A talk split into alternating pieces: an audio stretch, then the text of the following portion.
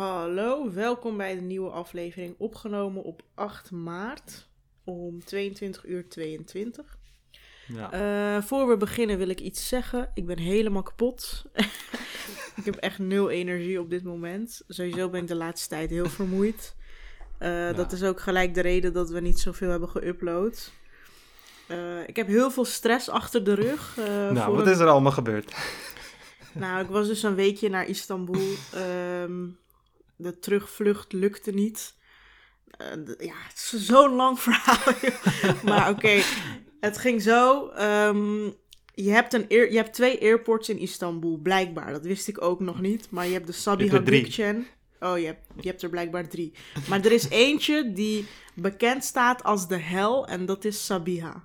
Dus Oh. eh, blijkbaar is dat zo. Wist ik niet toen ik ging boeken. Maar je hebt daar structureel te weinig we- eh, werknemers. Iedereen haat zijn leven daar. Eh, je staat uren in de rij. Echt rijen die ik nooit ergens in mijn leven heb gezien. Ik bedoel, ik ben ook naar Venetië geweest. Ik ben ook naar Valencia geweest. Nog nooit heb ik dit meegemaakt. Eh, ze behandelen je als een dier die geen rechten heeft.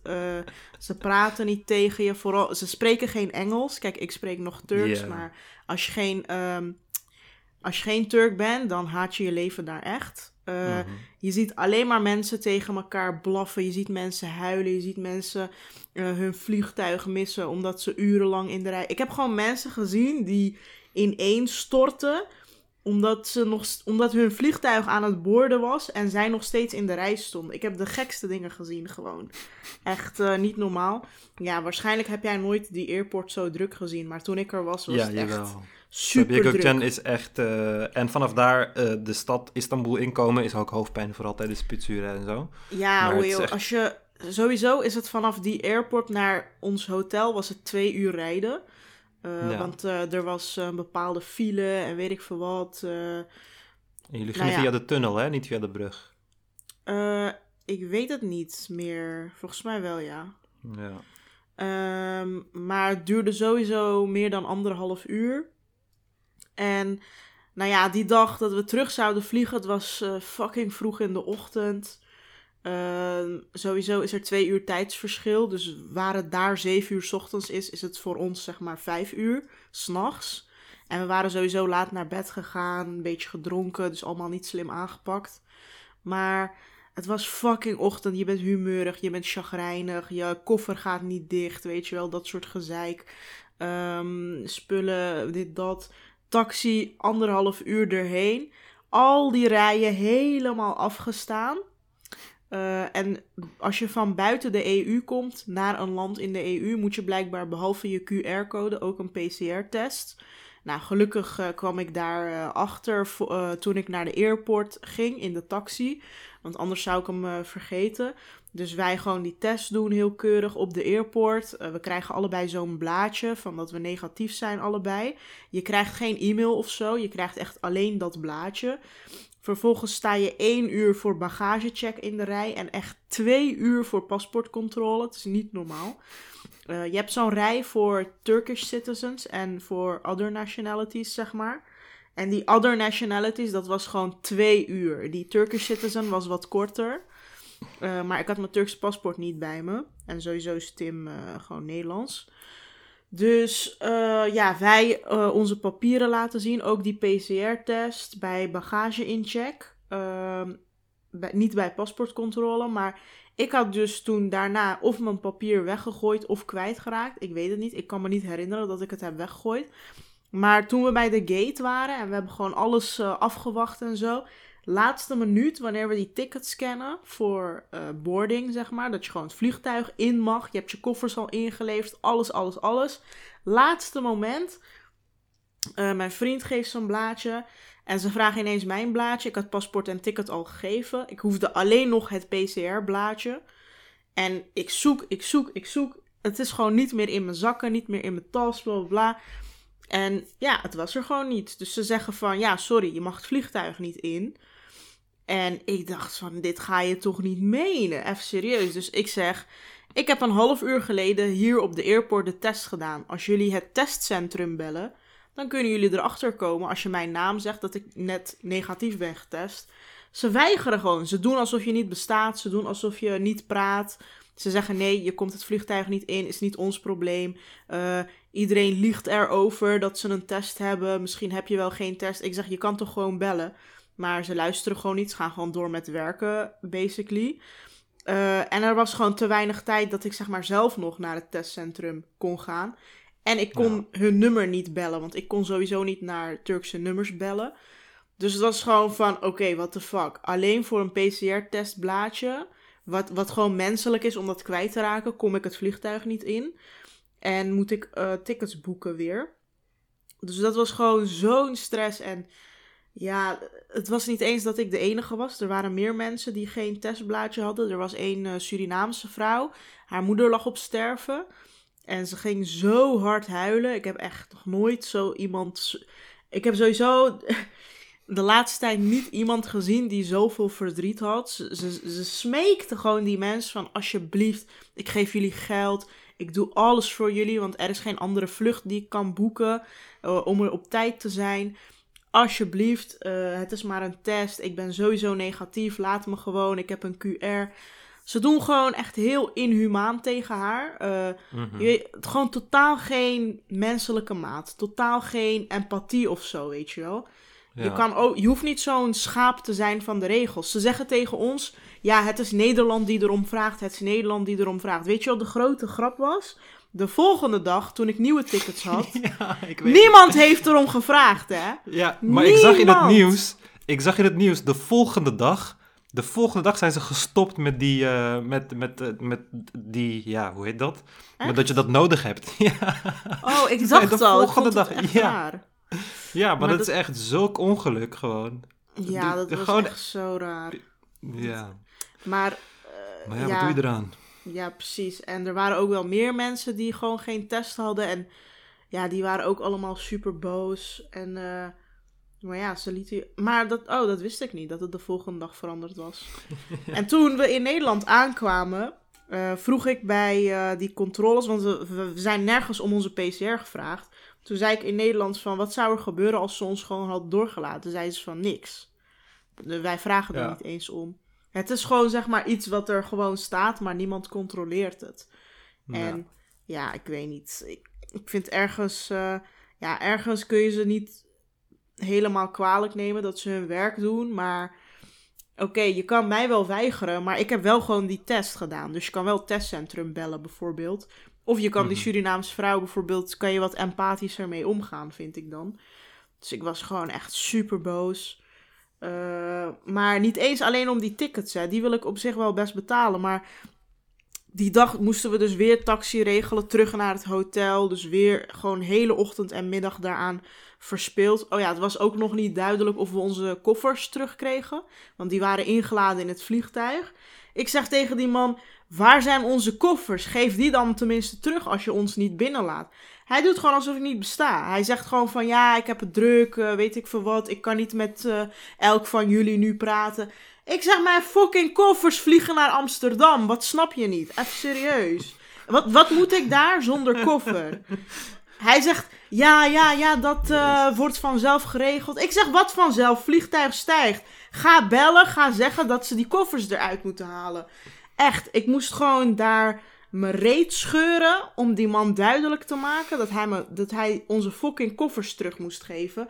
Dus uiteindelijk met heel veel moeite gaat hij dan zo halfslachtig bellen. Zegt hij, ja, welke kleur is je koffer? Ik zeg rood, maar volgens mij zijn er duizend rode koffers. Dus aan de kleur ga ik niet herkennen. En dan zegt hij van, uh, ja, oké, ik ga ook je naam doorgeven, dan komt het goed. Na uren gewacht op die koffers. Echt, ik snap echt niet hoe, hoe het zo lang kon duren.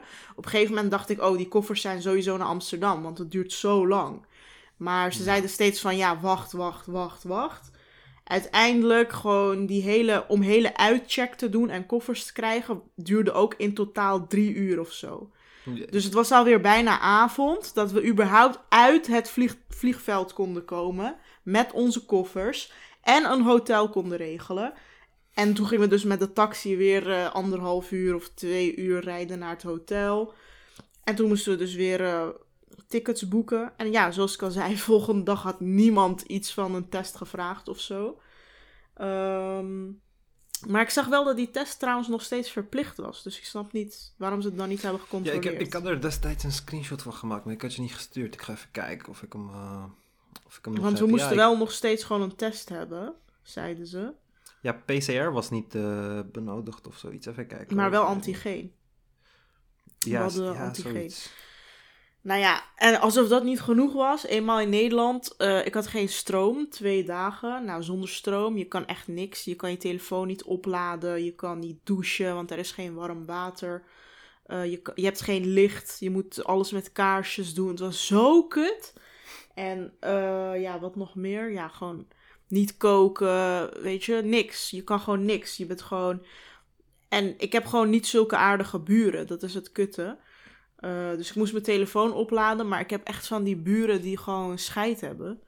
En die Hmm, best wel ja. onaardig zijn. Dus eh, ja, ik moest gewoon de hele tijd een plek zoeken om op te laden en zo. Dus dat was ook enorm veel stress. En toen kwam de elektricien. Eh, Er was een elektricien, en, maar die wou mijn... eh, dus ik was heel blij. Nou, eindelijk een elektricien. Yes, ik krijg weer stroom. Maar mijn huurbaas wou dat niet betalen. eh, omdat, omdat ze zei van nee, hij is veel te duur. Dat kan niet zo duur. Want hij vroeg 400 euro of zo. Ehm, Wat zei was uiteindelijk het probleem? het was, de aardlekschakelaar was gewoon kapot. Was gewoon Ja, doorgebrand. wat ik zei. Dus, ja. Ja, precies. Hij liet het me ook zien, was helemaal doorgebrand. Ehm, en die eerste elektricien vroeg 400 euro. Mijn huurbaas werd helemaal boos. Zei van nee, dat zijn oplichters. Kan nooit zoveel kosten, dit, dat. eh. dus toen dacht ik, oh mijn god, gaan we nu serieus vechten om de kosten? Ik wil gewoon stroom. Betaal het gewoon, weet je wel. Toen zei ze van nee, dat ga ik gewoon niet betalen en zo. Dus ik ging op een gegeven moment denken, weet je wat, ga ik het uit mijn eigen zak betalen? Want ik was gewoon er helemaal klaar mee. Ik wilde niet nog een paar uur wachten op een nieuwe elektricien. Maar toen, toen zei Tim van nee, van, ben je gek of zo? Is, eh, is haar taak, dit en dat. Jij gaat niks betalen. Dus ik denk, oké, weet je wat, geduld, geduld. Tweede elektricien komt drie uur later. Dus weer drie uur geen stroom. Weer in Company zitten om mijn telefoon op te laden en zo. Daarna die andere elektricien, die vroeg wel veel minder geld. Dus ze had wel gelijk. Die vroeg echt 250 euro voor alles. Ehm, dus, eh, en die had het wel gewoon gemaakt. Dus toen had ik weer stroom. Nou, goed. dat was even mijn eh stressverhaal. Jeetje. ja, het duurde inderdaad even. Ja, we hebben altijd van die smoesjes, hè, om waarom we niet, eh, waarom we lang niet hebben geüpload. ja, ik heb Ja. ook terug, teruggehoord van mijn ehm, laptop en die is blijkbaar niet te repareren. Tenminste, de, Echt? Ja, die persoon eh, kon... ehm, ja, je kan hem repareren door de hele moederbord te veranderen, eh, vervangen, maar dan eh, kom je op dezelfde prijs uit als een nieuwe laptop. Als, ik weet het niet hoor. Als er mensen zijn die goed zijn met ehm soort van SMD-soldering, dat soort dingen, weet je, echt de microcomponenten, dan hoor ik het graag. Want er is dus een kortsluiting op het bord, maar hij kon niet precies vinden waar dat is. Dus ja, dus eh, ik moet nu wat andere dingen doen. Ik moet die harde schijf eruit halen, die in zo'n eh, externe harde schijf enclosure zetten en dan die aan een andere computer verbinden, zodat ik aan al die data kan komen. Dus eh, dat ga ik binnenkort doen en dan eh, kan ik ook die verloren afleveringen ook even uploaden. Maar, oh, maar ehm, die is dus niet, nog niet, die is niet definitief verloren of zo. Nee, Dat die zit gewoon op die harde schijf. Alleen ik, ik moet even kijken. Ja, het is een beetje lastig. Kijk, die harde schijf is geëncrypteerd, omdat mijn dingen zijn altijd heel erg geëncrypteerd. En ik heb die sleutel wel, maar ik weet niet precies hoe het werkt. Ik weet niet of als ik hem aansluit op een andere computer, of ik gewoon die eh encryptiesleutel moet invullen of zo. Het is me nooit eerder overkomen. Dus ehm, ja, ik ga even kijken. Maar ik, ik heb goede hoop dat ik eh, wel aan die data kan komen. En als ik er niet aan kan komen, dan heb ik sowieso een groter probleem van mijn halve leven zitten op die laptop. Dus eh, ja. Maar het komt wel goed, denk ik. Het gaat alleen Dus je hebt eh, een code en je weet niet hoe je die code moet kraken. Ja, want ik weet dus niet... Ja, het is een het is BitLocker eh, encryptie, heet dat. Maar ik weet niet hoe dat systeem werkt. Want soms is het ook... ehm, is het, is het ook gekoppeld aan je moederbord. Dus als die harde schijf niet in hetzelfde moederbord zit, dan kan die... Ja, ik weet niet hoe het werkt. Dus eh, ik, ga, ik moet daar even achter komen. En dan, en dan, ja, dan zie ik het wel. Maar ja, de kans is groot dat ik wel bij die data kan komen. Dus Ja. eh, dat, dat moet goed komen. Ja, ik, moet, ik heb gewoon een nieuwe laptop nodig. Dus ik moet een nieuwe laptop kopen. Dat is eh, En je hebt de lampen al, toch? wat kut. Ja, ik heb de lamp inderdaad. Dus we kunnen binnenkort ook een eh, video opnemen. Dus we hebben camera, we hebben lampen. We, we Ja. hebben eigenlijk in principe alles al. Ja, om video microfoons, dat soort dingen. Dus ja. Ja. Oké. In principe wel, dus dat kunnen we snel doen. Het enige wat we niet hebben is een stressloos hoofd en tijd. Tenminste, ik. ik weet niet, Ja, ik heb ja. deze week ook enorme rugpijn. Ik weet niet waardoor dat komt. Als ik stress heb, gaat dat ineens bij mijn rug Ja, eh, je moet, gewoon, eh, je moet gewoon even ontspannen. Ja, Je moet, eh, hey, heb jij geen bad? nee, nee. En in je nieuwe huis? Ook niet helaas. Nee. Mm, een bad met Weet je wat echt grappig was trouwens? Ik zocht een hotel met bad in Turkije. Ik heb me helemaal de tyfus gezocht, maar nergens hadden ze een bad.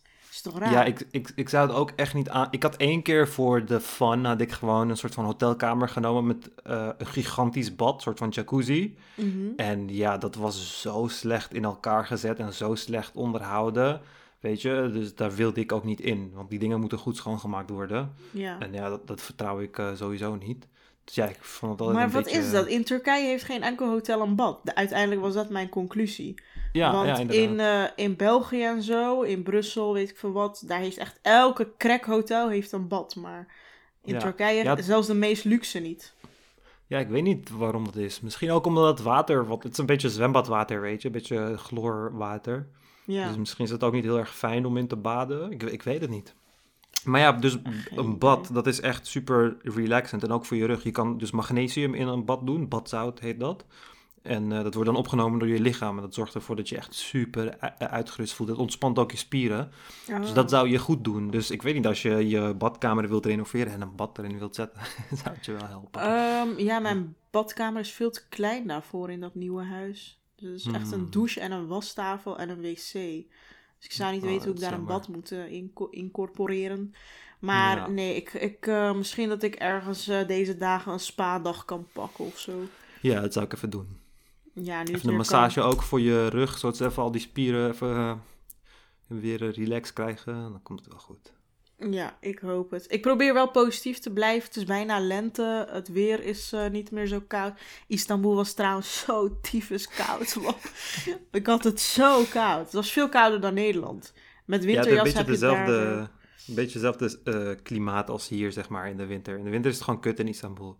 In de Ja. winter moet je in het zuiden van eh, Turkije zijn. Daar is het gewoon 25 graden of zo op dit moment. Dus eh, Ja, maar wat was jij in de winter niet in Istanbul dan? ja, ik ging in de winter ging ik meer naar Izmir en, en, en dat soort plekjes. Ja, ik heb winter ook in Is- Istanbul doorgebracht. Oh. ja, alleen het was een hele milde winter. We hadden vier dagen sneeuw, vijf dagen sneeuw en daarna voor de rest was het best wel mild. Dus dat viel wel mee. Oh nee, deze wind... Ja, ik weet niet hoor. Toen, die paar dagen dat ik daar was, ik had het zo koud. Dat is echt niet normaal. Ja. Ik, ik, ik dacht er op een gegeven moment over na om oorwarmers, muts, handschoenen, alles te kopen. Omdat ik dacht van, ik trek het gewoon niet buiten. Het was veel kouder dan Nederland, had ik het idee. Eh, Ja. We hadden ook nog twee, twee avonden regen en hagel. Nou, het was hier Eh. ook wel koud. Was jij hier voor de storm? Eh, bij, bij de storm was ik hier, ja. Oh ja. ja. Ja, dat was ook wel eh, heel heftig. Maar toen was ik gewoon niet naar buiten gegaan. Ja, die zon eh, van de laatste paar dagen is echt lekker. Dus Mushu ook. Mushu ligt de hele dag in de zon zo. En als Ja. hij het te, te warm heeft, doet hij meestal zijn mond open om af te koelen. En dat hebben we echt de hele winter heb ik dat nog niet gezien, omdat het gewoon koud is geweest. Dus hij is Ja. weer helemaal blij. Het lijkt de hele tijd alsof hij lacht. Dus hij is blij, ik ben blij. Die zonnestralen maken ons echt beide echt eh, weer blij. Ja, ik hoop dat we echt meer zon krijgen. Ja. Ik denk het wel. Het wordt eh, steeds meer lente. En eh, voor je het weet is het alweer zomer, joh. Ja, komt Als Poetin nog geen kernwapens heeft gegooid, dan kunnen we Dan nog krijgen we een hele zomer warme genieten. zomer. ja, een te warme zomer krijgen we dan. En hoe gaat het met jou? Je had een afspraak met je zus? Zusje? Met mijn zusje. Oh ja, ja, was echt super gezellig. Het is echt eh, altijd Heb je die na lange tijd gezien? Ja, maar ik, ik, ik ging dus een vriendinnetje ontmoeten. Dus ehm, ja, kijken hoe die was. En eh, ja, daar had ik een hele goede... Vriendin als in relatie. Ja, ja, ja. En daar had ik een hele goede indruk van. Het was echt super cute. Ze waren echt cute samen. Mijn zusje had het koud en toen ging zij haar jas aan haar geven. En zo. Weet je, dat ik, oh. En zo- en ze schattig. van nee, ik hoef hem niet hier. Jij gaat het koud krijgen. Doe je jas aan. Echt zo'n... eh, dus het was wel leuk om te zien. Maar het is echt... weet je wat het is? Ik heb mijn zusje meer zien lachen. Ik zie, en ik zie mijn zusje niet heel vaak hoor. We zijn best eh, op onszelf. Ehm, maar ik heb er meer zien lachen in een, v- een relatief korte tijd, de laatste paar jaar, dan in al, het, al de tijd dat we samen hebben gewoond eh, in het huis. Ja. En het is ook een lastige relatie, hè? want het enige wat we delen is late, zeg maar. Dus het is ook lastig, want als we samen zijn, dan praten we ook alleen maar van... Oh ja, weet je nog hoe kut dit was? weet je nog hoe kut dat was? Dat zijn de enige overeenkomsten dan. Dus dat is uh, wat lastig. Maar ja, dat zijn gewoon dingen die eruit moeten. Ja, dan moet je of nieuwe herinneringen maken, of... Ja, precies. Ja. Maar het moet er gewoon uit, want voor de eerste keer in lange tijd, zeg maar, wanneer je uit huis gaat... En dan wanneer je dan je zusje... Wanneer je dan... Kijk, normaal heb je je dan apart gehouden van die wereld. En dan kom je opeens iemand tegen die precies weet hoe jij je hebt gevoeld en ook die dingen heb, heb, heeft meegemaakt. Dus dan gaat het gesprekstof gewoon voornamelijk daarover. Maar zodra dat eruit is, dan uh, is, is het er ook uit en dan kan je gewoon nieuwe herinneringen maken. Dus dat is wel, uh, dat is wel leuk natuurlijk. Nou, ik hoop dat ze gelukkig wordt. Ja, Woont ze gewoon in Amsterdam? Nee, in Leiden. Ze doet nu twee oh. bachelors tegelijk. Super trots uh, even stoer doen met mijn zusje. Mijn zusje doet twee bachelors tegelijk. ja, dat is wel echt uh, respect. Man. Ik, ik snap nooit hoe mensen twee studies samen doen. Ja. Dan ben je echt, uh, dan ben je wel echt heel slim. Dan heb je echt fotografisch geheugen of zo.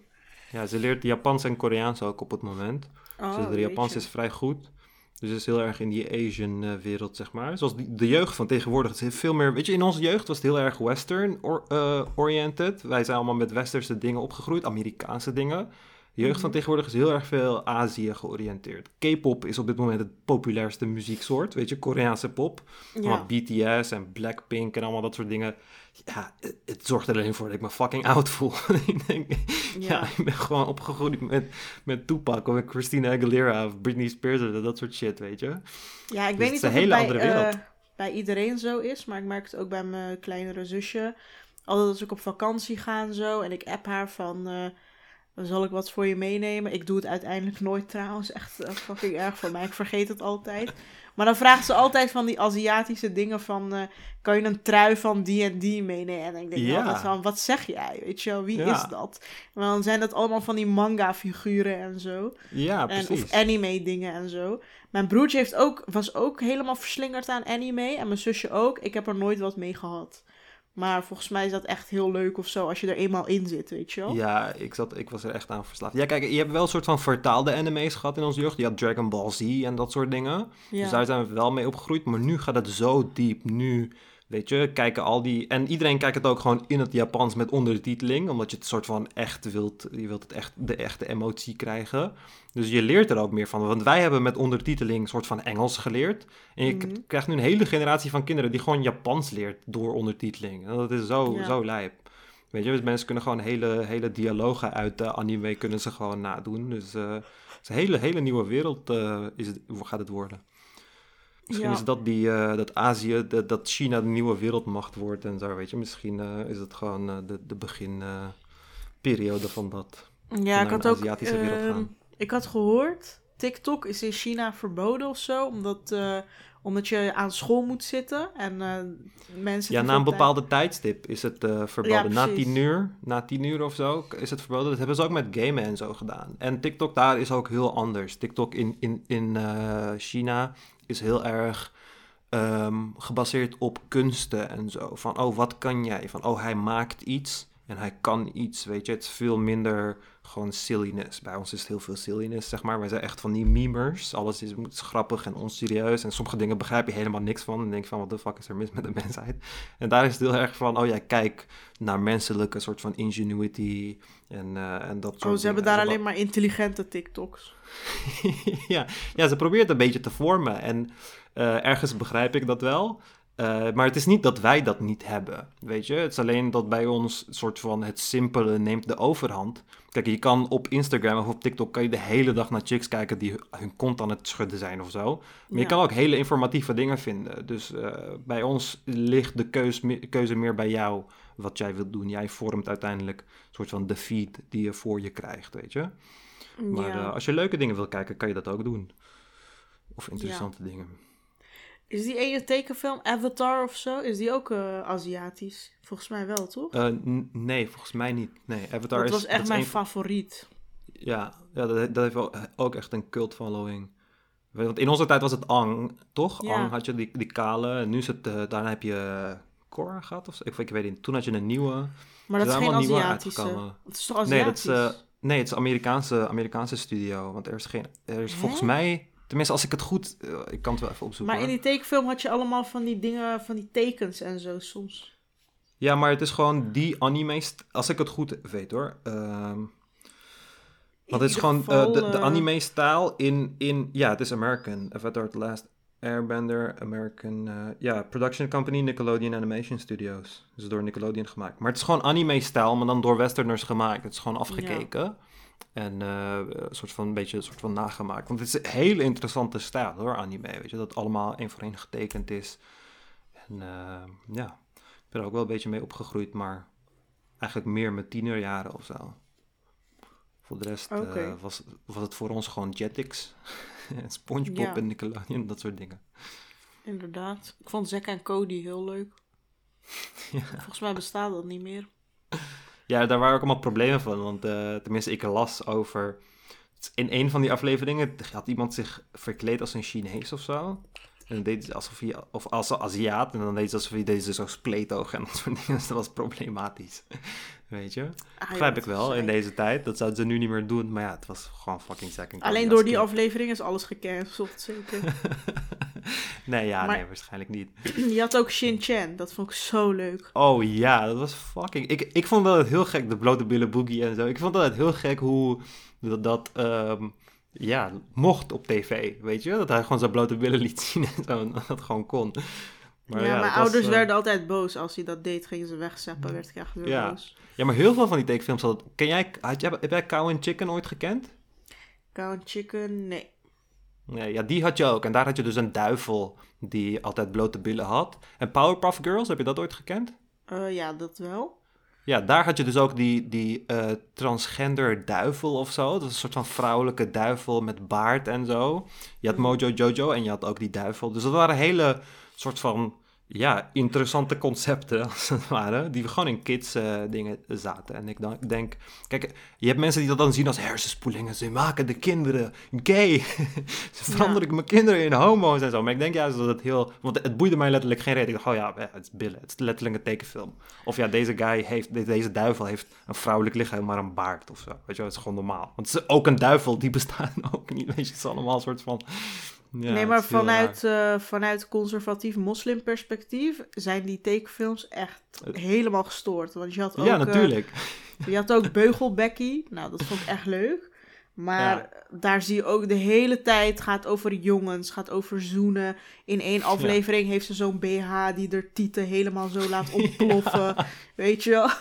Dus mijn ouders, ze spreken geen eens Nederlands, maar ze zien gewoon wat er gebeurt. Dus ze vonden het allemaal super problematisch. Maar ook Winx Club en zo, weet je wel? Je ziet gewoon, de hele tijd zie je decolleté, zoenende mensen.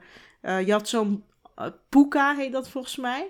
Die Puka ging de hele tijd achter de jongens Puka aan, zeg maar. Dat, dat was gewoon letterlijk die hele tekenfilm. ja, het was gewoon echt, eh, ja.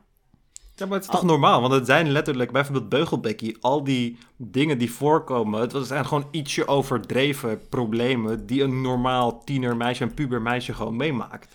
Weet je, Ja. Zoals ze voor de eerste keer een BH dragen, met jongens praten, naar het schoolfeest gaan. Weet je, allemaal dat soort dingen. Het zijn gewoon, dat, dat hoort gewoon in dat leven, maar het is gewoon een soort van geridiculiseerd. Het wordt gewoon overdreven een beetje, om het gewoon nog leuk te maken. Maar het is niet dat mensen daarnaar kijken en denken van, oh ja, ik ga nu met mijn tieten bloot over straat. ja. Weet je, dat is niet hoe het werkt. Of je had eh, What's with Andy.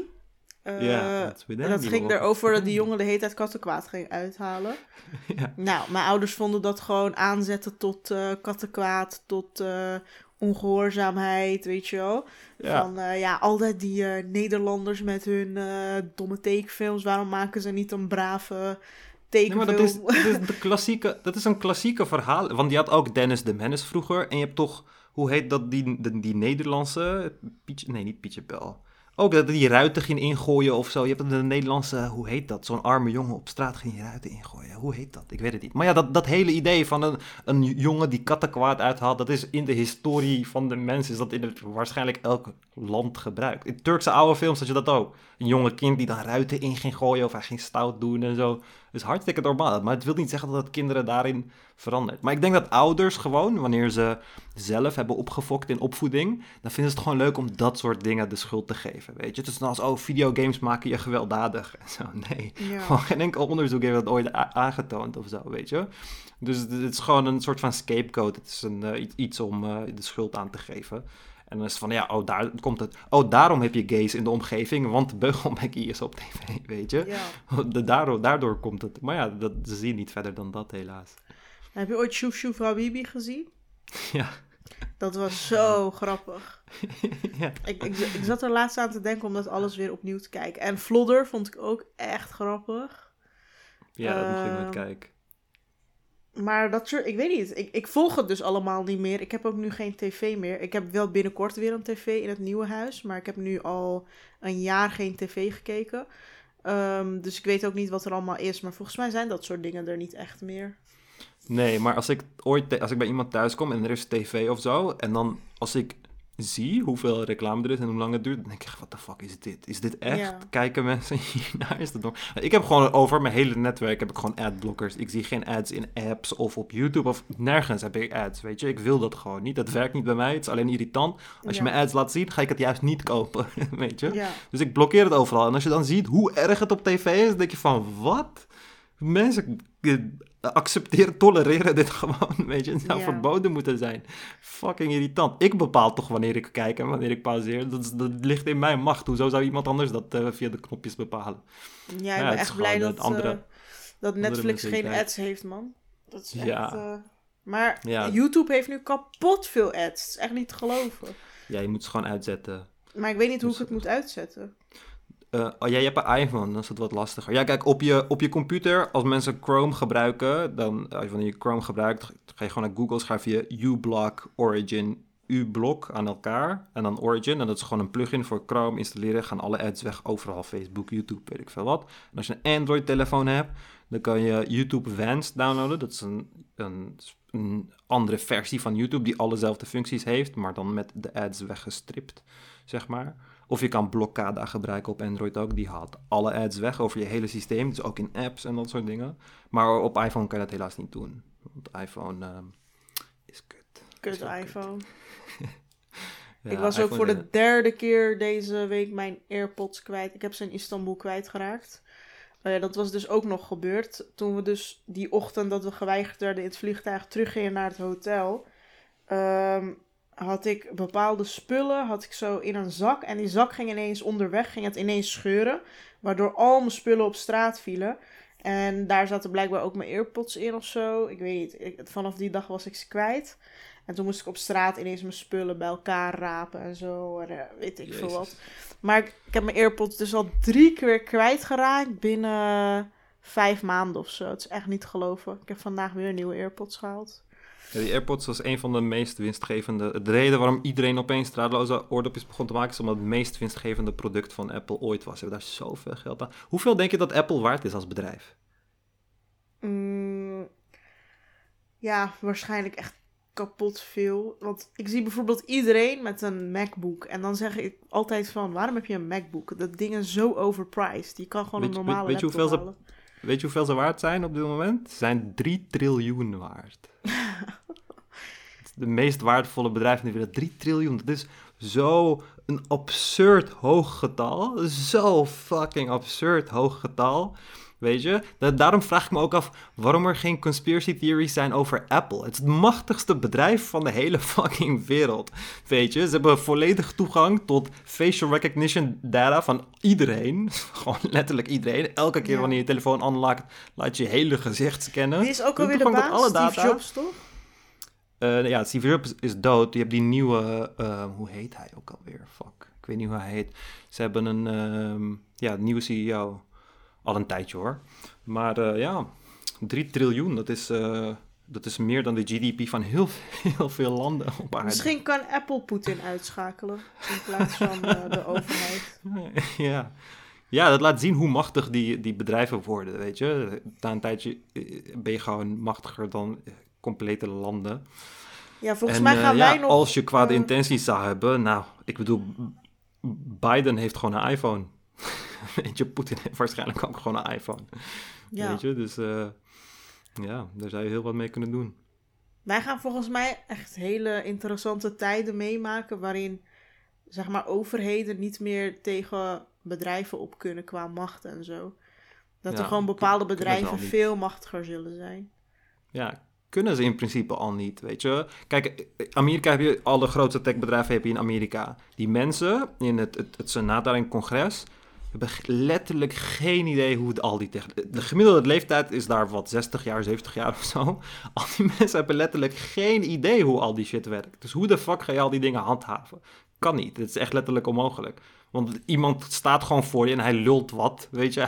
Hij roept gewoon wat random woorden. En je denkt van, oh ja, oké, oké, prima. Omdat je niet dom wilt lijken of zo, weet je. Dat was ook met eh, destijds toen eh, Mark Zuckerberg voor het congres moest verschijnen, testimony moest geven. Vroegen ze hem echt de domste vragen. Vroegen ze aan Mark Zuckerberg van, oh ja, en mijn dochter, mijn kleindochter, die heeft een iPhone en dit en dit gebeurt op haar iPhone. Waarom gebeurt dat? En dan moet Mark Zuckerberg zeggen van, ja, maar wij zijn Facebook. iPhone wordt gemaakt door Apple. Weet je, allemaal dat soort dom, domme dingen. Ja, echt super domme dingen. Dat ik denk van, maar dat is altijd zo. Iedereen die in de IT werkt, iedereen die in de IT werkt, zou me hierin gelijk geven. Alle government projecten die met IT te maken hebben, zijn de grootste fuck-ups van de hele wereld. Zijn de grootste money pits. En gewoon projecten die totaal niet slagen, veel te veel geld kosten en totaal niet goed werken, omdat er gewoon geen kennis is. Er is gewoon nul kennis vanuit de regering om te judgen van, oh, wat is goed en wat is niet goed. Wat is simpele oplichting om subsidie te krijgen of weet ik veel wat te krijgen en wat, wat is reëel, weet je. Al die mensen worden erin meegesleurd. Omdat, ja, je weet niet waar de fuck je het over hebt. Denkt gewoon van, oh ja, hij gebruikt wat moeilijke woorden, dus het zal wel wat betekenen. Maar ja, het is niet zo. Ja. Ja. Waarom werk jij eigenlijk niet in de IT? Ik heb gehoord dat je daar heel veel geld kan verdienen. Ja, kan je ook, maar het is echt fucking saai. Kijk, ik vind, ik vind het leuk. Ik vind, ik vind IT leuk. Alleen ik vind het leuk om te doen wat ik zelf wil. Net zoals labwerk. Ik vind labwerk ook leuk, maar ik vind het niet leuk om de, de hele tijd zelf de fucking shit te doen, weet je. Nu ben ik ook allemaal de hele dag fucking protein, purific- weet je, eiwitten, extra eiwitten halen uit eh, bepaalde dingen. Uit eh, van alles en nog wat. Maar het is constant hetzelfde. En ik denk van, ja, maar ik kan nog zoveel fucking shit. Ik heb letterlijk een lijst staan met heel veel stukken DNA die ik heb gedesigned, plasmids die ik heb gedesigned. Gewoon gekke... Geef als iemand me gewoon een lab van 2 miljoen zou geven of zo, weet je. Van Allemaal 2 leuke dingen kunnen maken. Ja, maar ook gewoon handige dingen. Bijvoorbeeld, soms denk ik van, weet je, bijvoorbeeld een, een tomaat die pittig is. Weet je, heel simpel om te maken. Super simpel om te maken. Ik heb steeds een gene toevoegen aan een tomaat. Dan heb je gewoon een tomaat die pittig is. Weet je, niemand die is er bang voor. Maar het is een leuk product dat je kan verkopen. Heel makkelijk, weet je. Die lichtgevende vissen die ik had gemaakt. Superleuk product. eh, die ik dat zou, daar zou ik niet echt geld aan willen verdienen. Dat is een beetje dieren, eh, vind ik een beetje jammer voor de dieren. Maar allemaal dat soort, ik heb ook allemaal... eh, ja, kijk, ik heb heel veel ideeën waar niet echt geld aan te verdienen is. Maar het is gewoon vet. weet je. En ja, daar kun, daar, daar kun je ook geld uithalen. Want dat is wat YouTube in principe ook is. Weet je, heel veel dingen op het internet eigenlijk is het niet waard om het te doen, om er geld in te investeren om zo'n video te maken of weet ik veel wat. Maar als, mensen het, als genoeg mensen het enjoyen, dan kun je er wel geld uithalen. Weet je, dus ehm, ik vind dat gewoon veel leuker in plaats van dat ik, moet werken aan een of andere bullshit software, ja, in een of andere bullshit softwarebedrijf. Want dat was in Malta ook zo. In Malta deed ik fucking onethisch werk. Het enige wat ik deed was ehm, eh, algoritmes verbeteren voor gokbedrijven om gokverslaafden beter te leren herkennen en ze meer content te pushen, zodat ze nog meer geld verliezen, zeg maar. Allemaal dat soort dingen, weet je. En dat- is het ook. Als je gewoon voor, een, voor dat soort bedrijven werkt, het enige wat je hoort te doen, is gewoon winst maximaliseren. Dat is waar het om gaat. Altijd winstmaximalisatie. Dat is gewoon geen, dat is voor mij niet echt een prioriteit. Ik zie daar niet leuke of interessante dingen uit voortkomen. Het enige wat daaruit voorkomt is een nieuwe auto of een nieuwe jacht voor de CEO. En voor de rest, ja, doet het niks, weet je. En dat is, dat is jammer. Winst hoort niet voorop te staan, zeg maar. Ja. Nou, ik hoop dat jij eh, in de toekomst je baan vindt waar je gewoon een beetje gelukkig van wordt eigenlijk. Ja, ik wil geen baan. Ik wil gewoon, eh, ik wil gewoon een, inkomen waardoor ik gewoon alles kan doen. Ja. Ehm, wat ik wil in een lab. Ik heb gewoon een, heeft iemand niet een, een gratis lab voor me? Een Eh, oproep het liefst ergens een... eh, in, in, Zuid, in Zuid-Amerika het liefst, waar de GMO-laws een beetje wat gunstiger zijn dan hier. Dus alles wat jij nodig hebt in het leven is een lab in Mexico van 2 miljoen. ja.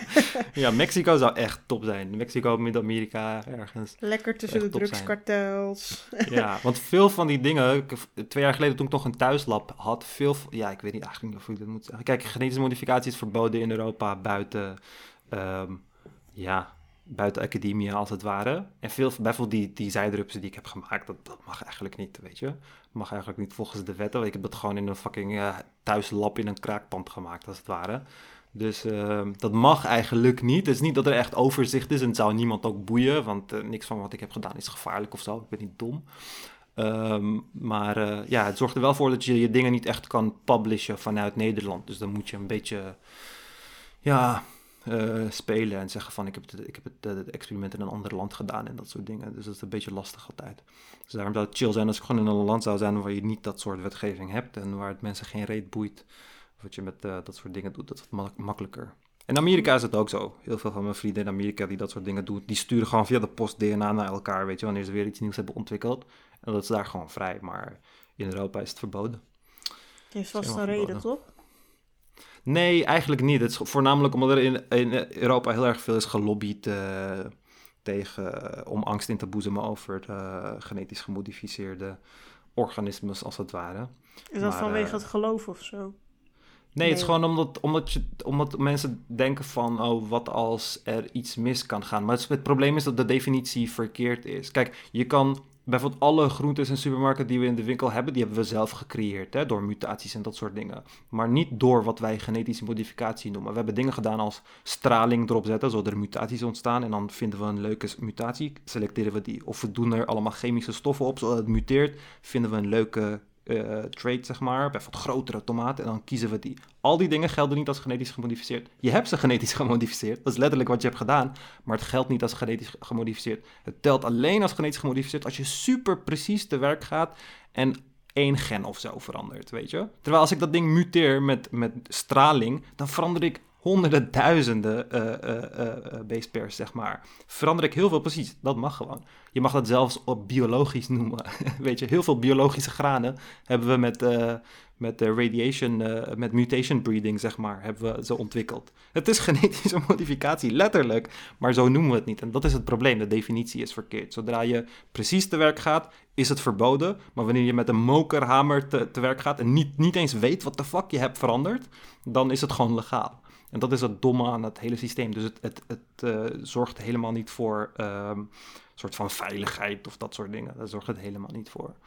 Hmm. En dat laten de, de, andere landen ook zien. Landen waar het wel mag, hebben, heb je helemaal geen probleem op dat gebied. Dus, uh, Wat gek. Ja. Zou er geen politieke partij zijn die hiervoor is?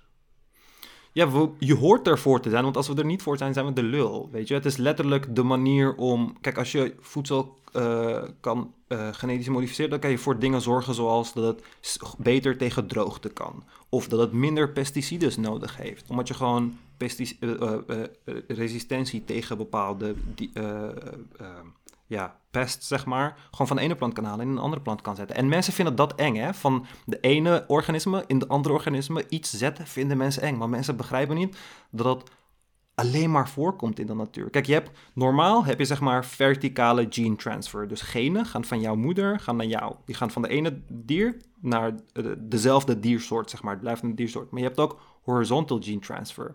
En dat wordt gedaan door bacteriën en door virussen. Dus die kunnen gewoon in het ene organisme daar wat genen van stelen. En dan kunnen ze het in het andere organisme stoppen.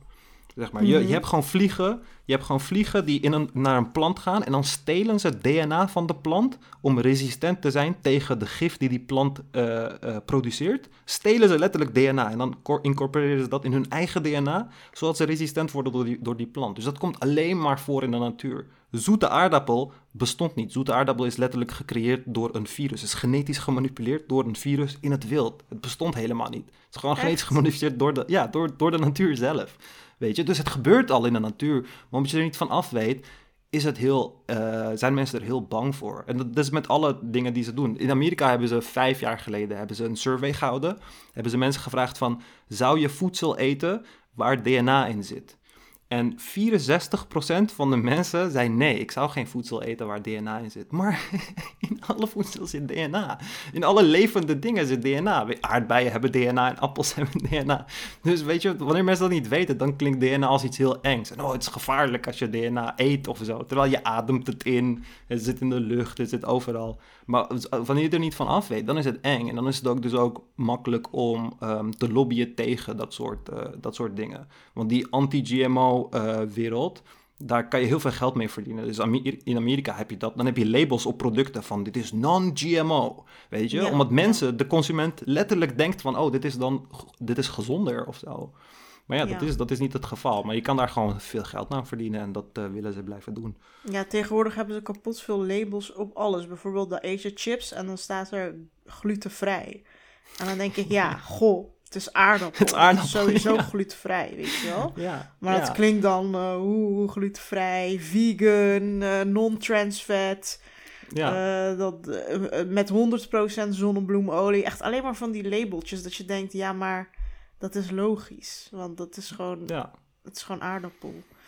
Ja, precies. Dus ja, ik, uh, ik vind dat soort dingen. Weet je, ik weet zelf wel wat schadelijk is. Ik bedoel, ik ken de natuur vrij goed. En ik weet dat het klinkt alsof ik naïef ben en dat ik het daarom zeg en zo. Maar kijk, als ik roze zijderupsen maak. één, de zijderups overleeft het niet in het Nederlandse klimaat. Want het eet alleen de bladeren van één type boom die niet groeit in Nederland. Misschien een paar bomen. Dus ook al komt hij vrij, is hij zo dood. Twee, hij is roze. Het biedt geen uh, hij biedt geen, het biedt geen evolutionair voordeel, want hij wordt alleen maar makkelijker gezien. Dus, dus het, het, verdwijnt gewoon, weet je. Dus zolang je geen domme dingen doet, zoals de onkruid in je achtertuin genetisch manipuleren en dan weer terugplanten in je achtertuin, zodat het terug gaat in de natuur, dan is er helemaal niks aan de hand. En zelfs als je dat zou doen, is de kans klein dat het een ecosysteem vernietigt. Want de natuur en de zon is alles op elk moment aan het genetisch manipuleren. Dat, dat, hebben we van de natuur geleerd. Dus er is helemaal niks om uh, bang voor te zijn. Maar ja, ik heb, ik, ik heb bijvoorbeeld heel veel van die leuke dingen. Waar ik, dat ik, ik heb bijvoorbeeld een tabakplant die, die licht geeft in het donker. Of ja, niet in het donker, maar onder blacklight geeft die licht. Omdat er GFP in zit, green fluorescent protein in zit. En dan denk ik van ja, ik zou willen dat mensen dit kunnen kopen. Want het doet helemaal niks negatiefs voor de natuur of whatever. Maar als jij gewoon een plant kan hebben die licht geeft als je er blauw licht op schijnt, dat is toch helemaal top. En dan gaan meer mensen dat soort dingen willen, toch? En laten we dat met heel veel planten doen, zodat planten populairder worden of zo. Weet je, dus uh, het, uh, het, is gewoon jammer om mensen daarvan, uh, daarvan weg te houden. Want mensen houden van dat soort dingen eigenlijk. Hé, hey, maar denk je dat we nog luisteraars over hebben na deze... Waarom? Na hey, maar we zouden het over Oekraïne en Rusland hebben eigenlijk, toch? ja, en over heel veel andere dingen. Ik vraag me altijd af met dit soort onderwerpen van... vinden wij het alleen interessant om het hierover te hebben als twee neurtjes? Of vinden mensen die dit luisteren dit ook interessant? Nee, ik denk dat het wel... Ik denk dat het voor de meeste mensen wel interessant is, weet je? Ik denk... Want heel vaak als ik dit soort dingen vertel... dan merk ik wel dat mensen het soort van doorvertellen... Mhm. Ehm, dus uh, ja, meestal vinden ze dat wel interessant. Dus als ik uh, bijvoorbeeld als ik met iemand buiten loop en soms heb je zo'n boom met zo'n grote bult aan de zijkant. Weet je, groeit er zo'n kankergezwel uit. Dat is een bacterie uit de grond, Agrobacterium. Die gaat in die boom en je denkt, ik ga jouw cellen genetisch modificeren, zodat er een stuk uit jou groeit waar ik in kan leven. Weet je, dat is letterlijk dat ding. Het is gewoon een bacterie die die boom genetisch gemodificeerd om een huisvorm te bouwen, als het ware. En dat vertel ik dan aan mensen als ik door een park loop of zo zeg ik dit. En dan pak ik ze erop van wanneer ze het aan andere mensen vertellen. Weet je, van kijk, weet je waarom dat is? Weet je waarom die bult daar is? weet je? Dan denk ik van ja, dat is hoe het hoort. Want nu weet je waarom die bult op die boom zit. En dan, uh, weet je, is het interessant. Dan kan je dan aan andere mensen vertellen en dan weet je weer iets. Het klinkt als onzin om te weten, maar het kan er wel voor zorgen dat je bekender, ietsje bekender bent met een veld, waardoor je er minder bang voor wordt, zodat mensen geen misbruik van je maken, zeg maar. Ja, ja, inderdaad. Ik vond het wel grappig dat je zei van 64% van de mensen zijn nee op die vraag. Ja. Uh, er was ook zo'n filmpje dat mensen de bijwerkingen van paracetamol gingen ze oplezen, maar ze gingen er niet bij vermelden dat paracetamol was. En dat, ze deden alsof het van het vaccin was. En toen zei echt iedereen in dat filmpje van... oh, ik ga geen vaccin nemen. Ja. Maar dat was van paracetamol. Wist je dat als je de bijwerkingen van een medicijn leest... de kans dat je bijwerkingen krijgt veel groter is? Echt? Mm Jeetje. Ja, dat is die nocebo-effect. Daar zouden we ooit een aflevering over doen. Moeten we nog wel uh, moeten we een keer doen. Maar dat is die nocebo-effect. En, want dat, dat zie je dus in, in, in uh, wanneer je het clinical trials doet, wanneer je medicijn gaat uittesten, geef je eh, de helft van de mensen echte medicijn, de helft van de mensen neppe medicijn. Maar je hoort, je bent verplicht om de mensen de bijwerkingen te vertellen. In je placebo-groep moet je die bijwerkingen ook vertellen, want ze moeten echt geloven dat ze het hebben gekregen. En die placebo-groep krijgt altijd ook de bijwerkingen.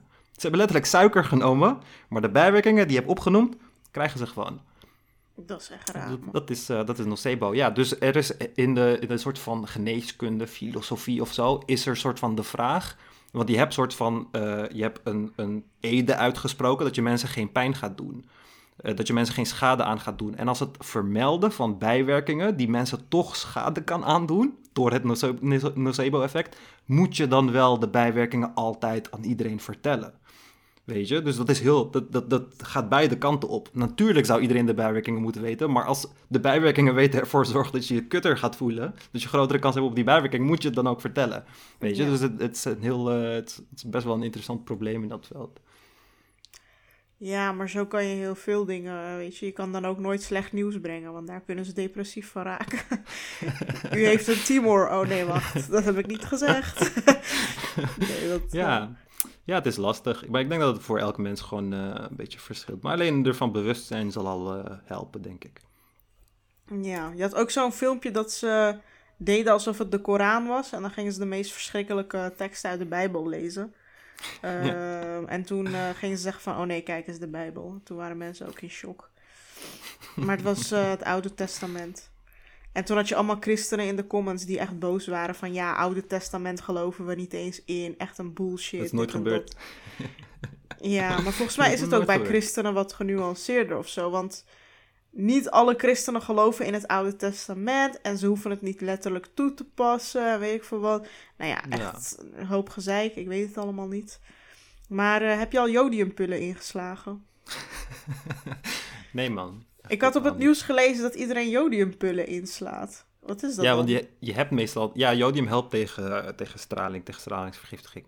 Maar, oh, uh, echt? Daarom? Ja, ja, ja. Ik dacht het is gewoon een soort vitamine of zo. Tijdens de Koude Oorlog was dat heel erg. Uh, ja, het zit ook in, uh, in. Want jodium is van nature zijn mensen hebben mensen een tekort aan jodium. Dus daarom hebben we het toegevoegd aan zout, aan tafelzout. Uh, dus genoeg mensen krijgen het nu binnen, maar in hogere dosages helpt het dus tegen, tegen radiation poisoning. Dus al die mensen gaan de oorlog overleven en wij niet? nou, als er een bom valt, overleef je het toch niet. Dus, ja. Maar je, je, overleeft wel de straling? Ja, de straling zal je langzaam... Ja, het is, het is, vanaf een straal. Er is een, er is een website, ik ben de website kwijt, maar als je...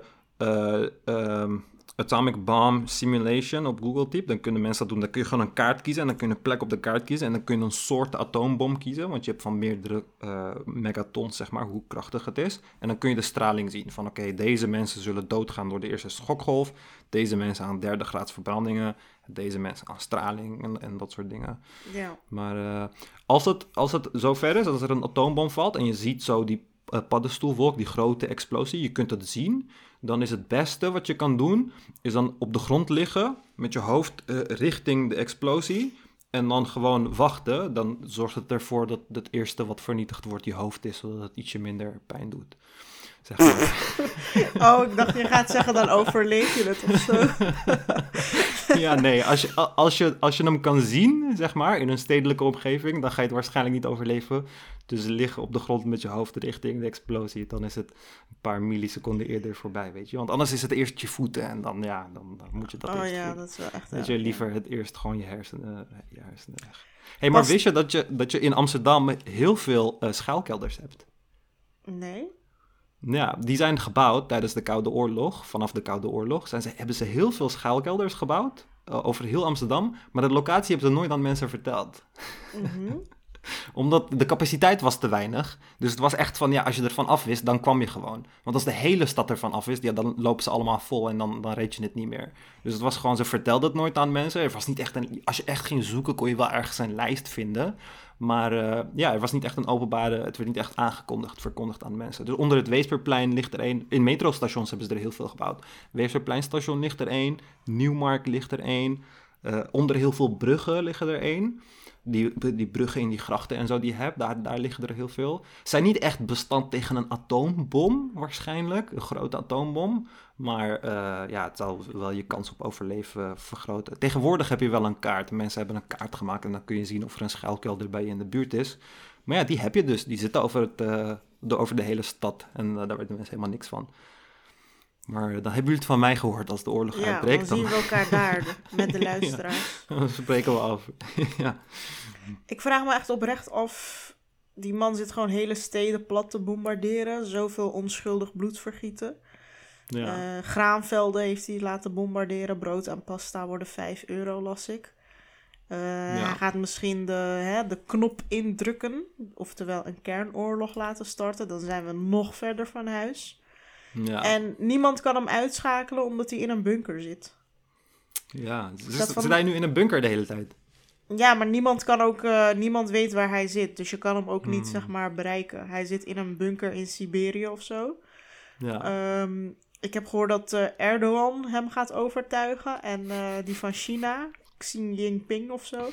Ik kan nooit die naam, naam onthouden. Gaan ze met de drie vertalers aan tafel zitten? ja, ik vraag me echt af. Komt Erdogan daar zo? Ja, en dus broer. Turks, Chinees en Russisch. Ja, like, hoe de fuck ga je communiceren? Dat kan gewoon niet. Weet je, met een vertaler raak je al alle context kwijt. Dus het is een beetje... Ja, ja, ik denk, hij is ook waarschijnlijk echt super paranoïde. Want je moet je voorstellen, kijk, zijn hele geschiedenis en loopbaan bestaat uit uh, ja, mensen omleggen die kritisch om hem zijn. Weet je? Mhm. en, en, hij heeft altijd gewoon echt super makkelijk gedaan. Je had, uh, destijds had je Litvenko, hij werd echt met. Uh, dat was de eerste keer dat ik echt interesse toonde in dat soort dingen. Want hij werd vermoord met polonium. Dat is radioactieve stof. Hebben ze gewoon op de een of andere manier in hem ingebracht. En hij ging gewoon langzaam dood. Je had die, die vergiftigingen van uh, die Sergej en zijn dochter. Die werden vergiftigd door Russische agenten. Door een of andere nieuw ontwikkelde nerve agent. In Rusland ontwikkelde nerve agent. En die werd in Nederland onderzocht. En toen werden in Nederland opnieuw uh, Russische spionnen gearresteerd. Omdat ze wilde, dat, eh, in dat lab wilden hacken, zeg maar, om al dat bewijs en zo te verwijderen. En die zijn toen gearresteerd, maar ja, je, je kan helemaal niks doen. Ze hebben gewoon een soort van immuniteit of zo. En die werden gewoon uh, weer gedeporteerd. Maar hij deed gewoon altijd al deze dingen. Iedereen die kritisch op hem is geweest, heeft hem altijd, is altijd gewoon op mysterieuze wijze is, zijn ze altijd uh, vermoord. Dus wanneer je in zo'n leven leeft, is hetzelfde als dat je gewoon een, een of andere gangster bent of zo, dan heb je echt super veel uh, paranoia in je hoofd. Want ja, als jij het telkens op iedereen gemunt heeft, dan hebben ook genoeg mensen het op jou gemunt. Je hebt sowieso genoeg vijanden gemaakt. Ja, precies. Iemand zei dat ook, volgens mij op CNN of zo, van omdat hij, hij zelf liegt de hele dag. Dus hij zegt, ik ga mhm. dit niet doen, dan doet hij het wel, bla bla. Hij is, al, hij is gewoon een notoire leugenaar. En hij is zelf niet loyaal aan iemand. Dus hij verwacht dat ook iedereen om hem heen niet loyaal kan zijn aan hem. Of dat, dat ze elk moment kunnen verraden, et cetera. Dus hij kan gewoon niemand vertrouwen, want hij vertrouwt zichzelf niet eens niet, weet je wel. Hij is zelf niet vertrouwen. Dus dan ben je inderdaad in een soort, uh, ja... Ja, het is een hele vreemde positie. Het is, ja. Uh... Ik ben echt benieuwd hoe dit uh, gaat aflopen. Ja, ik, ik ben ook benieuwd, maar... Ja, ik vind ook die sancties, bijvoorbeeld Russen kunnen nu niet meer op Netflix en zo. Ze kunnen niet meer, volgens mij, het land uit of zoiets. Mijn huiseigenaar is een Rus en haar vriendin is ook een Rus. En die, die is gewoon in Duitsland opgegroeid en geboren. En die was op familiebezoek in Rusland en die komt gewoon nu het land niet uit. Omdat ze Rus is en omdat er die sancties zijn. Dus echt dat soort dingen, weet je wel. Dat uh, songfestival mogen ze niet meer, voetbal mogen ze niet meer, die sporters worden gecanceld. Uh, er worden allerlei dingen, Facebook en zo kan je niet meer op, Netflix niet.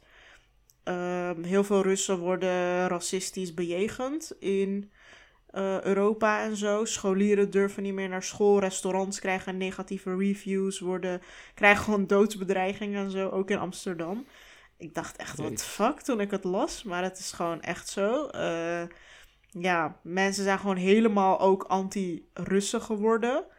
Omdat, ja. um, ik heb gehoord, drie vierde van de Russen is pro-Poetin. Uh, dus daarom denken heel veel mensen van... oh ja, als je Rus bent, is de, is de kans groot dat je pro-Poetin bent of zo. Mm. Uh, ja, ik weet niet hoeveel... ja. Weet je wat ik, wat ik zo lastig vind? Het je kan helemaal niks vertrouwen. wat er nu vanuit uh, Rusland... Maar ook Oekraïne, alles wat er vanuit Rusland of Oekraïne gezegd wordt... je kan helemaal het soort van fog of war, weet je. Het is met elke oorlog zo. De feiten zijn gewoon niet duidelijk... want iedereen heeft profijt van het verdraaien van de feiten.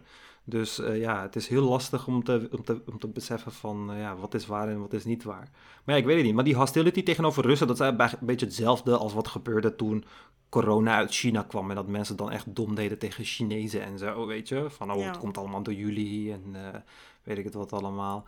Maar het is heel jammer, hè. Want wat, kijk, als ontwikkelde samenleving, zeg maar... Het is een beetje als, um, als, als, als je een heel irritant kind in de klas hebt... en je bent juffrouw of meester... Eh, het is vrij weinig wat je kan doen zonder geweld te gebruiken. Weet je, je kan zeggen, oh, je gaat in de hoek staan, je moet duizend keer dit schrijven en weet ik het wat allemaal.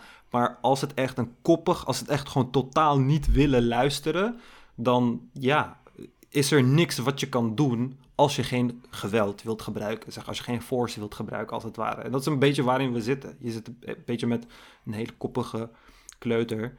En ja, het enige wat je kan doen zonder geweld te gebruiken zijn al die sancties. Alleen het probleem is dat dat ook de people, de, de mensen, zeg maar, uh, uh, aantast. En je gaat niet recoveren van deze sancties. Dat is echt bijna onmogelijk om weer. Het ging al niet goed met Rusland, maar het is echt bijna onmogelijk om weer naar van ouds te gaan. Is niet dat even terugdraaien en dat alles dan weer goed is. Weet je, het zijn best wel blijvende dingen. Dus, ja, kijk, uh, ik denk dat heel veel, ja, heel veel landen denken: oh ja, als we die sancties hebben, dan heeft hij op een gegeven moment geen geld meer. En dan moet hij wel vanzelf stoppen. Maar ze kunnen natuurlijk niet kijken in het hoofd van Poetin. Dus zij, denk, zij gaan nog steeds uit van een verstandige man die stopt op het moment dat hij niet meer kan. Maar wat als hij nou heel anders denkt dan hun en denkt van... Oh, jullie willen dat ik niet kan? Oké, is goed. Ik ga kernoorlog beginnen. Weet je, ik denk juist dat hij zo denkt. Dus ik zie dit allemaal als provocatie en olie op het vuur gooien. Hmm. Eh, ik denk dat we echt helemaal niet verstandig bezig zijn. Maar ik weet ook niet wat dan wel de oplossing het alternatief zijn. is. Ja. ja. Ja, dat is dus lastig. Kijk, iedereen zegt ja, we moeten Oekraïne EU-lidmaatschap geven of NAVO-lid maken. Of uh, weet je wel, uh, uh, Kajsa Ollongren, die ging op Twitter, zeg maar, met zo'n spierballen-emotie, ging ze zo lijstje maken van de wapens die wij leveren aan Oekraïne. Weet je wel, per vliegtuig, we leveren dit en dat. Maar dat is juist misschien niet zo slim, want ja. je provoceert daarmee van, oh ja, zie je wel, wij sturen zoveel naar Oekraïne en wij doen dat openlijk met volle trots. En uh, ja, de redactie van Poetin, zeg maar, die gaat het ook lezen, weet je wel, van... Uh, kijk, Nederland doet dit en Duitsland zegt dit. En dat staat gewoon openlijk op hun Twitter. Misschien uh, hele, heel de wereld is tegen ons. Kijk, al die sancties, ze steunen allemaal mhm. Oekraïne. Ja, ik weet niet, man. Ik denk dat we echt uh, heel dom bezig zijn eigenlijk. Ja, maar het is moeilijk om dan te denken van wat is, wat is het alternatief? Want ik zie, het ook, ik zie dit sowieso niet meer, ook al zou Rusland nu terugtrekken, het, gaat sowieso niet meer goed komen. Kijk, het probleem is ook, het probleem dat ik heb met al die wapens opsturen, wapens um, verdwijnen niet of zo. Die, die, die gaan niet opeens voet zien nadat een oorlog afgelopen is. En wanneer je een land vol stopt met wapens, en die wapens gaan niet alleen naar het leger, hè, het is gewoon de hele populatie die toegang heeft tot, tot de wapens. Dus wanneer je dan die oorlog voorbij is, of wel, met welke uitkomst dan ook, heb je wel een populatie. En Oekraïnische populatie, ze hebben ook interne problemen met elkaar een beetje, verschillende ideologieën allemaal. Dan ga je ja, burgeroorlogen krijgen en allemaal dat soort dingen krijgen. Weet je? Dat is destijds ook gebeurd met uh, Afghanistan. En, en uh, de, hoe de, de Mujahideen daar helemaal bewapend werd. En allemaal steun van Amerika. En hier, pak al deze wapens en zo. En dan is het, is het conflict waarvoor je die wapens hebt gestuurd, is het misschien wel voorbij. En dan heb jij je dingetje gehad. Maar ja, dan zitten daar wel al die mensen met al die wapens. En dan is dat land, weet je, waar ze toen nog gingen uitvechten op paard, eh, is het nu allemaal RPG's en jeeps en uh, weet ik het wat allemaal. Dus dat is, uh, dat is ook een beetje, een beetje het probleem. Zo is Islamische Staat ook helemaal ontstaan. Ja, Ze gingen toch op een gegeven moment filmpjes maken met Amerikaanse jeeps en zo. Ja, ja. Gewoon al die wapens waren uit het westen. Mhm. Die, had ze, die, had, die had Amerika gewoon nooit meer teruggehaald. Ja, precies. Ja. Want ik bedoel, Oekraïne, het is ook, het is ook ehm, Ja, het is, een, het, is een he- het is een heel lastig land. En hun geschiedenis is ook heel, een vrij korte geschiedenis, is ook vrij eh, ingewikkeld en zo, weet je. En in het oosten is er, heel, is er al vrij lang, acht, jaar of zo, is er al oorlog. Dus er waren al, weet je, tensions in, in het land. En ze hebben ook problemen met nationalistische, hele extreem nationalistische groep, groeperingen en weet ik veel wat. En die moeten kijk, ze hebben bijvoorbeeld ehm, eh, wat, als, als, het Azov-bataljon, eh, Azov-bataljon. En dat is een soort van, ja, een groep van vechters als het ware, maar het zijn allemaal nazi's. Het zijn gewoon allemaal neonazi's, gewoon openlijk. En die hebben voornamelijk uh, meegevochten in het oosten. Uh, in de Donbass en zo, hebben hun uh, voornamelijk gevochten.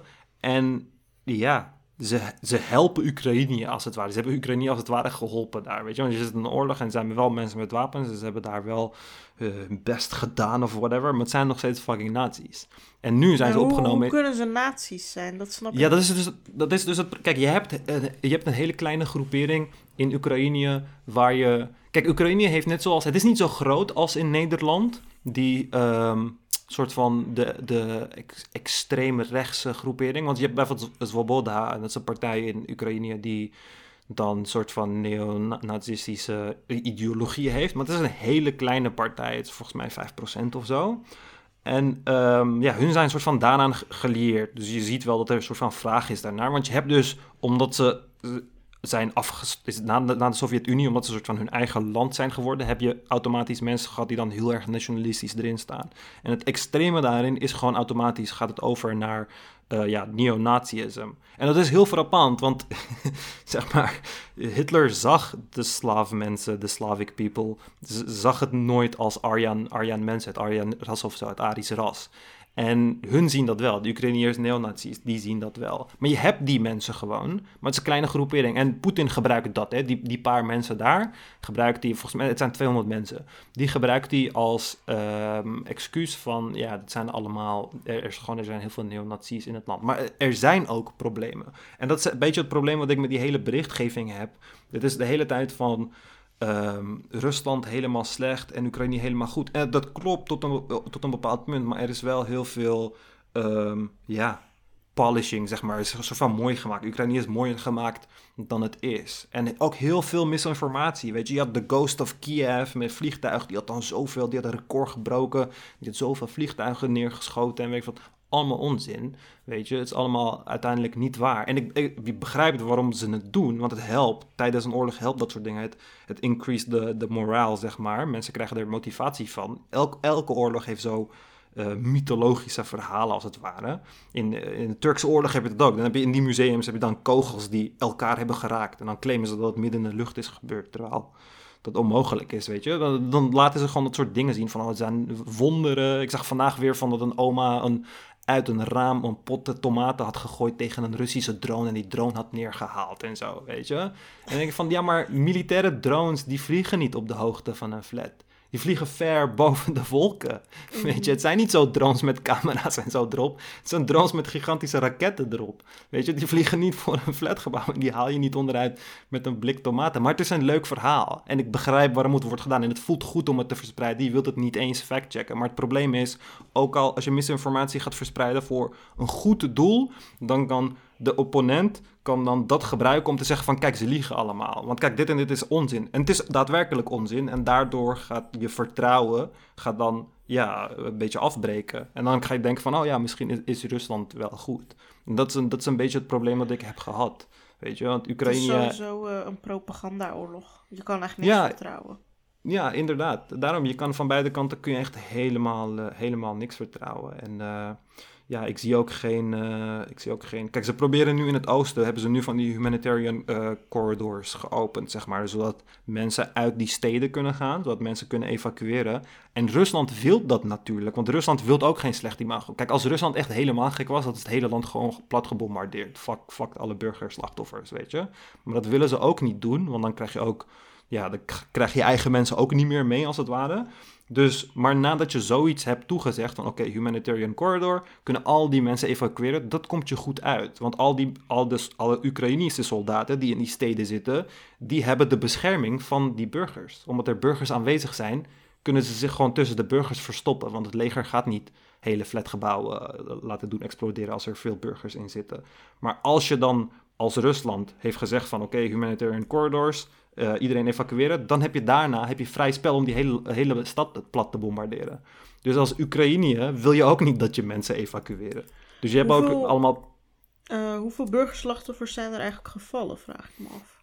Ja, ik weet het niet. Maar ik, ik, ik, ik, ook al zou er een getal zijn, ik kan het niet vertrouwen. Want het is gewoon, het komt voor beide kanten komt het goed en slecht uit. Dus ja, je kan het echt niet vertrouwen, weet je. Er is een paar duizend volgens mij, 3000 nog iets. Maar... Um... Ik ga het eens even opzoeken. Maar ja, het is heel lastig om te denken van, om te, ja, peilen oh, er staat uh, bij metro, op metro staat er 500 ongeveer. 500 burgerslachtoffers? Ja. Oh, dan waren een paar duizend waren soldaten of zo? Ik weet het niet. Ik had een paar duizend in mijn hoofd. Maar ja, een paar honderd burgerslachtoffers dus. Ja, maar dat is het. Je ziet zoveel shit heen en weer gedeeld worden. En het is ook een beetje jammer, hè? Want het is eigenlijk gewoon een soort van war porn, zeg maar. Het soort van, we genieten een beetje van, uh, ja, dingen die ons een goed gevoel geven. Van, oh ja, kijk, uh, ze hebben dit verdiend, ze hebben dat gedaan. Weet je, allemaal van die leuke verhalen. Maar het, is geen, het hoort geen amusement te zijn of zo. Weet je, het hoort niet zo'n... Ja, ik weet het niet. Ik vind dat gewoon heel raar. Vooral omdat je ook niet kan weten wat waar is en wat niet waar is. Dus uh, dat is gewoon jammer. En ik zag dat ook. Hè. Je had me een uh, fragment gestuurd van uh, Baudet. Die was dan ergens. En die gebruikte precies die dingen. Dus hij vertelde dus van, ja, dat filmpje van die tank die over die auto rijdt, die iedereen heeft gezien. Baudet vertelde van, ja, dat, dat was gewoon een Oekraïnische tank, het was geen Russische tank. En dat klopt ook. Het was geen Russische tank, het was een Oekraïnische tank, weet je. Maar toen het bekend werd dat het een Oekraïnische tank was, heeft het nieuws dat niet verder verspreid. En ik weet niet, misschien hebben ze dat wel gedaan, maar over het algemeen uh, krijgt een correctie van, krijgt een correctie altijd minder aandacht dan de originele claim. Maar dat hebben ze dus niet gedaan, omdat het ja, het, het past gewoon niet in soort van je agenda. En dat hoor je wel te doen. Je hoort wel gewoon compleet eerlijk te zijn. En te zeggen van, oh nee, het was een Oekraïnische tank en er was een fout gemaakt. Weet je, want er werd geschoten en toen hebben ze uitgewijkt naar links en ze de auto niet en ze zijn over de auto gegaan of zo. Whatever. Weet je, maar wanneer je dat niet gaat doen, wanneer je het niet gaat verbeteren, dan gaan uh, Poetin-pijpers zoals uh, Baudet, die gaan dan zeggen van, oh kijk, het is allemaal uh, onzin, want die tank was Oekraïnisch. En dat heeft de media je niet verteld. En dan verlies je weer je geloofwaardigheid en je wilt je geloofwaardigheid niet verliezen. Er moet echt openheid zijn van feiten en zo snel mogelijk. Ik vind daarom dat Amerika het vrij goed had gedaan, weet je. Amerika wist van, oké, Rusland gaat binnenvallen, we laten het gelijk weten. Gewoon gelijk in de media. Alles wat we weten, gelijk in de media. Niet van, oh, we weten het, maar we gaan even nadenken van wat gaan we doen strategisch en ik. Nee, alles wat je weet, je, je brengt het gelijk out in de open, weet je. Dus dat werkte veel beter. Maar het is op dit moment gewoon een soort van popularity contest geworden, die voornamelijk gevoerd wordt met memes en uh, korte filmpjes. Dus het, was, het is wat lastiger om, uh, ja, het is lastig. Kijk, Rusland is sowieso fout, want zij zijn degene die binnen zijn gevallen. Dat sowieso. En dan zijn er heel veel ifs en buts. En heel veel van die ifs en buts zijn ook legitiem. Maar het probleem begint daar bij de bron, bij het binnenvallen. Dus ja, het is niet verkeerd om eh, de kant van Oekraïne daarin te kiezen. Maar het is wel verkeerd om daarin te verdwalen, als het ware. Om blind te worden voor uh, de realiteit. Ja, je hebt zoveel nuances. Hè? Je hebt bijvoorbeeld uh, mensen die zeggen: ja, als het bij Amerika was gebeurd, dat alle landen eromheen bij een of andere militaire alliantie zitten die vijandig is.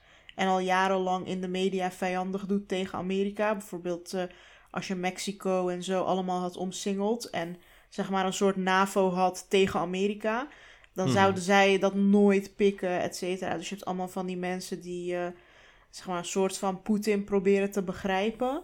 Van je moest gewoon niet aan zijn gebied komen. Hij heeft heel lang duidelijk gemaakt: Oekraïne moet je niet aankomen. Uh, maar wij gingen steeds uh, de Russische beer porren en zo. Dat zeggen mensen dan. Maar je hebt ook mensen die zeggen bijvoorbeeld: ja, Oekraïne is gewoon zo corrupt als de neten. Uh, weet je, ineens is het, is het heilig en zijn we allemaal voorstander voor Oekraïne. Terwijl ze daar ook uh, best wel corrupt zijn en zo. En Russische minderheden onderdrukken of zo. Dat, dat hoor je ook wel eens. Ik weet niet precies wat daar allemaal van waar is, maar. Ja, ja. ja het, is, uh, het, is vrij het is vrij ingewikkeld. Het is vrij ingewikkeld, maar daar is het niet heel erg zwart-wit. Kijk, ik ben sowieso ben ik blijer met Oekraïne dan met Rusland. Ik vind Rus, Rusland is gewoon, het is gewoon echt een fucked up uh, de regering is gewoon heel eng. It's, it's fucking... Weet jij van de apartment bombings?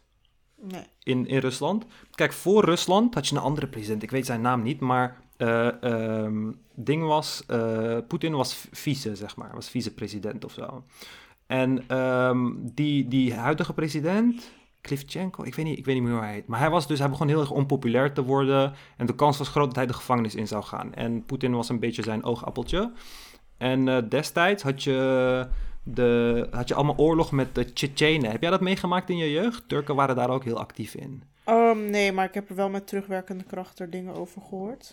Tsjetsjenistan en zo. Ja, destijds had je dat allemaal en wilden ze allemaal verschillende plekken binnenvallen. En Dagestan en weet ik het wat allemaal. En toen uh, explodeerden er opeens gewoon appartementen over het hele land. Gewoon hele appartementencomplexen die explodeerden. En, uh, en uh, dat gebruikte men als soort van justification om die andere landen binnen te vallen. Maar wat er gebeurde, is dat ehm, een van de officials had bijvoorbeeld aangekondigd van... oh, in deze stad is er ook een appartement ontploft. Maar die appartement ontplofte pas twee dagen daarna. Weet je, onder andere dat gebeurde. En bij een ander appartement werden mensen ge uh, gearresteerd die bommen plaatsten, zakken met uh, chemisch explosief plaatsten. Die mensen werden ge uh, gearresteerd. De stof werd geanalyseerd. Het bleek inderdaad dezelfde gebruikte explosieve stof te zijn. En daarna werden die mensen opeens meegenomen door de FSB, de KGB, FSB of whatever zou ook heten. Werden die mensen meegenomen en werd gezegd van, oh, dit was maar een oefening. En tot nu toe weet eigenlijk de meeste mensen in, in Rusland beseffen wel een beetje van dat Poetin zelf al die appartementen heeft, uh, de bombing van die appartementen heeft georderd. Want al zijn oppositie die hij heeft laten assassinaten, waren ook mensen die dat claimden in de media. Van het was Poetin zelf en dit zijn de bewijzen en, en word wakker wereld en weet ik wat. En al die mensen zijn één voor één doodgemaakt. Dus deze man is gewoon iemand die eigen apart, gewoon dingen waar wij conspiracies over hebben van de West, van in het Westen, van oh ja, de regering maakt zijn eigen mensen dood om weet ik veel wat. Dat gebeurt echt in Rusland. Weet je, dat ze gewoon hun eigen appartementencomplex, hun eigen burgers doen exploderen om de rest van de burgers over te halen van gewoon letterlijk false flags attacks plannen om uh, bepaalde regio's binnen te vallen. En dat is ook hoe Poetin aan de, aan de macht is gekomen. Weet je, dus ik vind al die assassinations, die bombings, en dat niks te vertrouwen is, het verspreiden van misinformatie. Ze staan letterlijk aan de top van het verspreiden van misinformatie in de wereld. Dat is, dat is voor mij een veel engere uh, grootmacht. Uh, eentje die ik veel liever zie veranderen of helemaal verdwijnen dan, dan Oekraïne of zo. Maar het is wel ja, belangrijk om uh, ook een beetje kritisch te zijn op Oekraïne natuurlijk. Clarence Seedorf of zo is bekeerd naar de islam. om even af te sluiten. Echt? Kende jij Oh ja, ik zag het. Ik, ik, zag het inderdaad. Wat wist hij? Voetballer of zo? Ja, hij is een hele bekende voetballer. Een van de beste, heb ik begrepen. Echt? Ja, ja. Nou. En uh, niet toevallig is zijn uh, nieuwe vrouw ook moslima. Oh ja. Ze lijkt trouwens niet op een moslima, want mijn god, wat is zij verbouwd. Heb je die foto's van haar gezien? Ja. ja. Is echt niet normaal. Waar komen ze vandaan? Dubai of zo? Ja, weet ik niet. Arabisch in ieder geval. Ehm, ja. Nou, we feliciteren hem, toch? welkom, broeder. Welkom, welkom. Mogen uh, Allah jou prijzen met het hemel. Ik zie nu dat we 1 uur en 17 minuten bezig zijn. Nou, ik, ik ja, jij bent helemaal uh, dood. Ja, ja ik, ik, kijk nu naar Lale ook door Zoom, zeg maar. En de helft van het gesprek is met haar hoofd zo op een kussen en de helft van het liggen. oh, helemaal dood. Ja, ik uh, excuseer mij hierbij. Dit was echt een uh, geforceerde opname voor mij. Het was gewoon... Ja. Ik ga gewoon nu meteen in bed ploffen en gewoon slapen. Terwijl nou, ik gewoon nog een column dat. moet schrijven en een lezing. Maar dat ga ik maar heel vroeg in de ochtend doen, denk ik. Ja. Um, ja, nee, dank jullie wel voor het luisteren. Laat ons vooral ja. weten waar we nog meer een aflevering over moeten maken. We hadden nog allerlei ideeën staan trouwens. Dus moeten... echt een hele lijst, terwijl we echt 40 minuten ja. lang over iets anders hebben geluld. En we moeten natuurlijk binnenkort gewoon een uh, video maken. Ja. Uh, en de mensen die ons uh, financieel willen steunen, dat kan op ikgaleven.backme.org. Ja. En uh, ja, tot de volgende keer. Ja, tot de volgende keer.